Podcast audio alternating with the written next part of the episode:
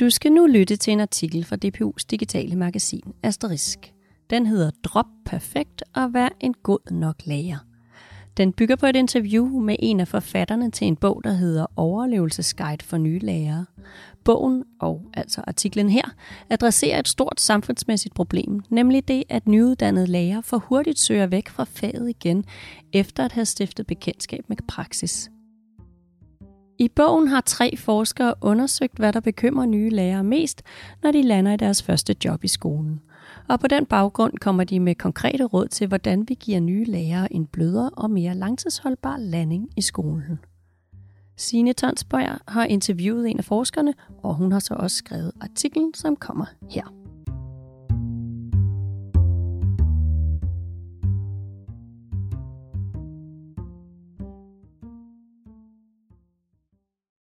Hvis et samfund kunne rynke panden, vil der nok vise sig en dyb, solid panderynke i det modne ansigt, når snakken falder på skolens rekruttering af lærere i fremtiden. Allerede nu mangler der lærere i Danmark. Antallet af ansøgere til ledige lærerstillinger er ofte få, og skoler oplever, at det er svært at besætte ledige stillinger med uddannede lærere. På læreruddannelserne søger færre ind, ligesom det er et ret, der er et ret stort frafald undervejs i studiet. Samtidig forlader mange af de nyuddannede lærere hurtigt lærerjobbet igen. Vi har med andre ord et samfundsproblem. Og det samfundsproblem er Kari Krav Blumedal dykket ned i. Hun er Ph.D. og lektor i pædagogisk psykologi ved DPU Aarhus Universitet, og hun forsker i lærerprofessionen og står sammen med to DPU-kolleger, professor emeritus Per Fibæk Laversen og lektor Bent B. Andresen, bag bogen Overlevelsesguide for nye lærere. Lige nu er der gang i en stille, sivende katastrofe, siger Kai Krav Blumedal og fortsætter. Vi ved, at mange lærerstuderende falder fra uddannelsen, og at flere og flere lærere søger væk fra skolen som arbejdsplads. I værste fald kan vi komme til at mangle en hel generation af lærere. Lærermangel er en bombe under velfærdssamfundet, for skolen er fundamentet for at have en oplyst og veluddannet befolkning, som ikke bare har deres viden fra TikTok og sociale, andre sociale medier. Bogen bygger på en undersøgelse, hvor forskerne er dykket ned i, hvad det især er, der volder de nye lærere problemer, når de træder ind i klasseværelset og på lærerværelset. I bogen kommer de med en række forskningsbaserede bud på, øh, hvordan vi kommer problemerne til livs. Overlevelsesguiden er, som titlen antyder, målrettet nye lærere, både yngre og lærere fra læreruddannelsen og mere erfarne voksne fra f.eks. meritlæreruddannelsen. Derudover er der masser af nyttig viden, også til gavede lærere, skoleledere, forvaltningsfolk og politikere og andre i farvandet omkring skolen. Det er blevet sagt, der er blevet sagt og skrevet en del om, hvordan vi sikrer nyuddannede lærere en blødere landing i skolen. Og der er også formuleret mange forklaringer på, hvorfor det kan være svært for nyuddannede lærere at finde fodfæste i jobbet. Kari Krav Blumedal påpeger, at det ofte bliver fremhævet, at noget af det, der gør overgangen fra læreruddannelsen til lærerjobbet svært, skulle være manglen på såkaldt transfer. Altså det at kunne overføre noget, man har lært teoretisk til handling i praksis. Men den forklaring holder ikke, mener hun, hun siger. I vores undersøgelse spørger vi til, hvad der volder de nye lærerproblemer. Og de taler ikke om transfer. Og ingen af dem nævner, at de skulle have problemer med at oversætte det, de har lært på uddannelsen til virkeligheden. De fortæller derimod, rigtig meget om mængden af nye opgaver, kompleksiteten af opgaver og opgaver, der kommer ind oven i hinanden, forklarer Kari Krav Blumedal. Som lærerstuderende kommer man i praktik på en skole flere gange i løbet af sit studie. Men selvom man er på en skole i sin praktik, er der masser af nøgleopgaver, som man ikke har berøring med, eller ansvar for i praktikken, påpeger forskeren. De opgaver er derfor helt nye og kan føles som en meget stor mundfuld for nyuddannede lærere. For eksempel ene ansvaret for at planlægge undervisning, relationsarbejdet med eleverne, inklusionsarbejdet i praksis. Kerneopgaven føles derfor som en stor opgave i sig selv for de nye lærere, siger Kari Krav Blumedal. Hun fortsætter. Og rundt om i den i forvejen store kerneopgave. Med selve undervisningen ligger så alle mulige andre opgaver, som for eksempel samarbejdet med kolleger, og ikke mindst forældresamarbejdet, som kun hver fjerde nyuddannede lærer oplever at være klædt på til. Blandt andet derfor tager mængden af opgaver, man som ny lærer skal balancere pusten fra mange. Oven i det kommer der ret mange krav, som bliver stillet til skolen udefra, og som også gennemsyrer hverdagen som lærer, mener Kari Krav Blumedal, og hun forklarer nærmere. Skolen er i dag drevet af en tidsstyret, topstyret og økonomistyret logik. Skolerne elevernes og lærernes indsats bliver målt og varet med prøver og test med en række centralt fastsatte læringsmål og en tidsstyret logik.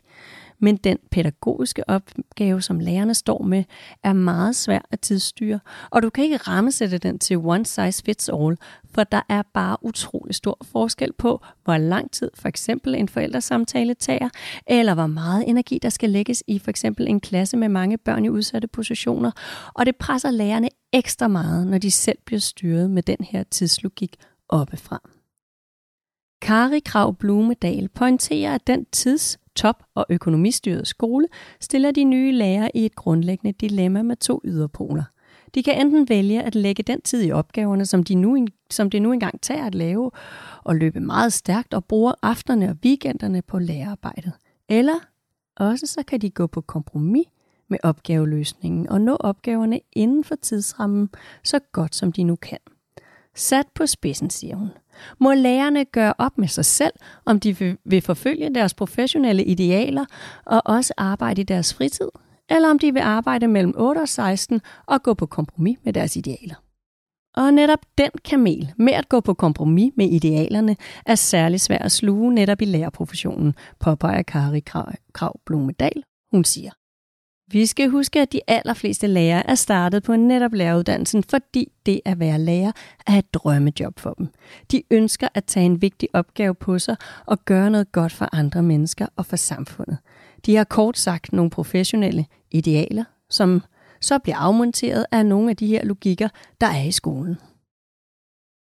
Derfor er det heller ikke nødvendigvis frivilligt, når lærere vælger at stoppe igen i skolen. Det er langt mere dybfølt for mange det bliver en nødvendighed at stoppe, fordi de ikke kan få arbejdet til at hænge sammen og være den lærer, de gerne vil. Men samfundet har brug for lærerne, og derfor kan vi ikke bare trække på skuldrene og sige, det var da ærgerligt. Problemet løser ikke sig selv, så hvad gør vi? Vi må for det første forstå, hvad problemet er for de nye lærere, der får job på skolerne, siger Kari Krav Blumedal. Det er jo blandt andet det, vi gør med bogen, siger hun. På de lidt over 200 sider i overlevelsesguiden for nye lærere er der gode råd til både skoler og lærerne selv.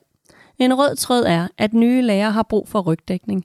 De skal være en del af et fagligt fællesskab, hvor de som nye lærere kan spare med kolleger om, hvordan de løser opgaverne, for eksempel med organisering eller forældresamarbejde. Så der er brug for nogle længerevarende og mere organiserede tiltag end en nøgleudlevering og en rundtur i sløjtlokalet.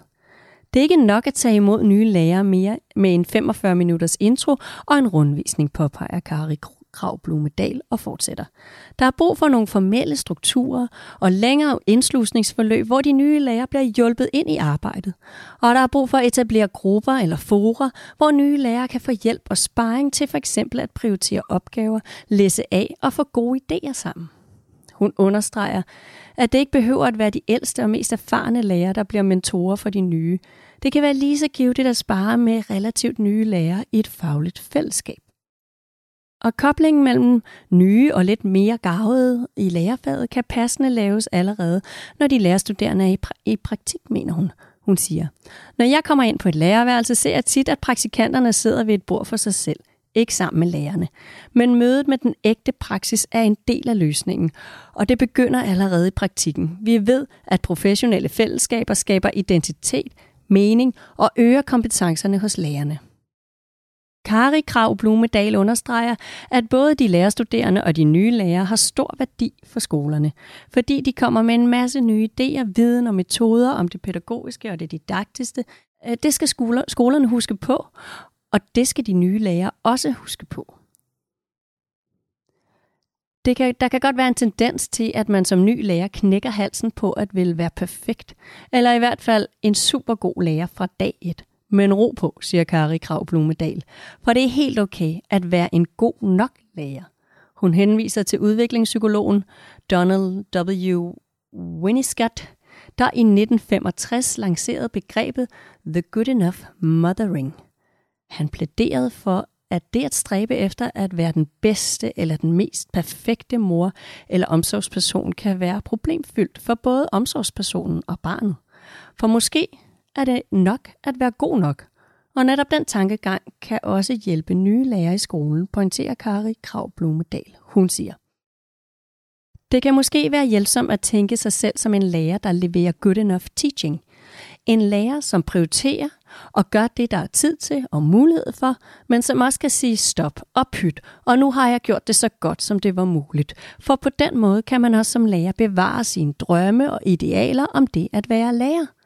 Men hvis det skal lykkes, har de unge lærere igen brug for at nogen at spille fagligt bold med, og nogle faglige fællesskaber, hvor de kan drøfte alt fra er det rimeligt, at jeg skal bruge en time på at skrive aulabeskeder med Noras mor? Eller til, hvordan kan jeg planlægge mit undervisningsforløb med Kim Fubs Åkesson? Faglige fællesskaber kan hjælpe de nye lærere til at indse, at de ikke er de eneste, der har udfordringer. Og netop den funktion har bogen Overlevelsesguide for nye lærere også, lyder det fra Kari Krav Blumedal. Hun siger, som ny lærer er det rart at vide, at man ikke er den eneste lærer, der oplever de her udfordringer. Og så har problemstillinger det med at blive nemmere at takle og løse, når man forstår, hvad der er på spil. Det er det, vi håber, at bogen kan bidrage med, siger Kari Kravblomedal. Og så kan bogen måske også hjælpe nye lærere med selv at navigere det rigtige sted hen i deres arbejdsliv fra starten. Der kan nemlig godt herske en oplevelse af, at en skole bare er en skole, forklarer hun. Men sådan er det langt fra. Skolekulturen på en skole kan være milevidt fra kulturen på naboskolen, pointerer Kari Krav Blomedal. Hun siger, som ny lærer kan det være godt at gøre sig nogle overvejelser om, hvordan skolekulturen er på den skole, man søger job på. Hvor fasttømret er kulturen? Er ledelsen opbakkende eller patroniserende? For en skole er ikke bare en skole, og det kan være godt at tænke igennem, hvad det er for en skole, man har lyst til at være en del af.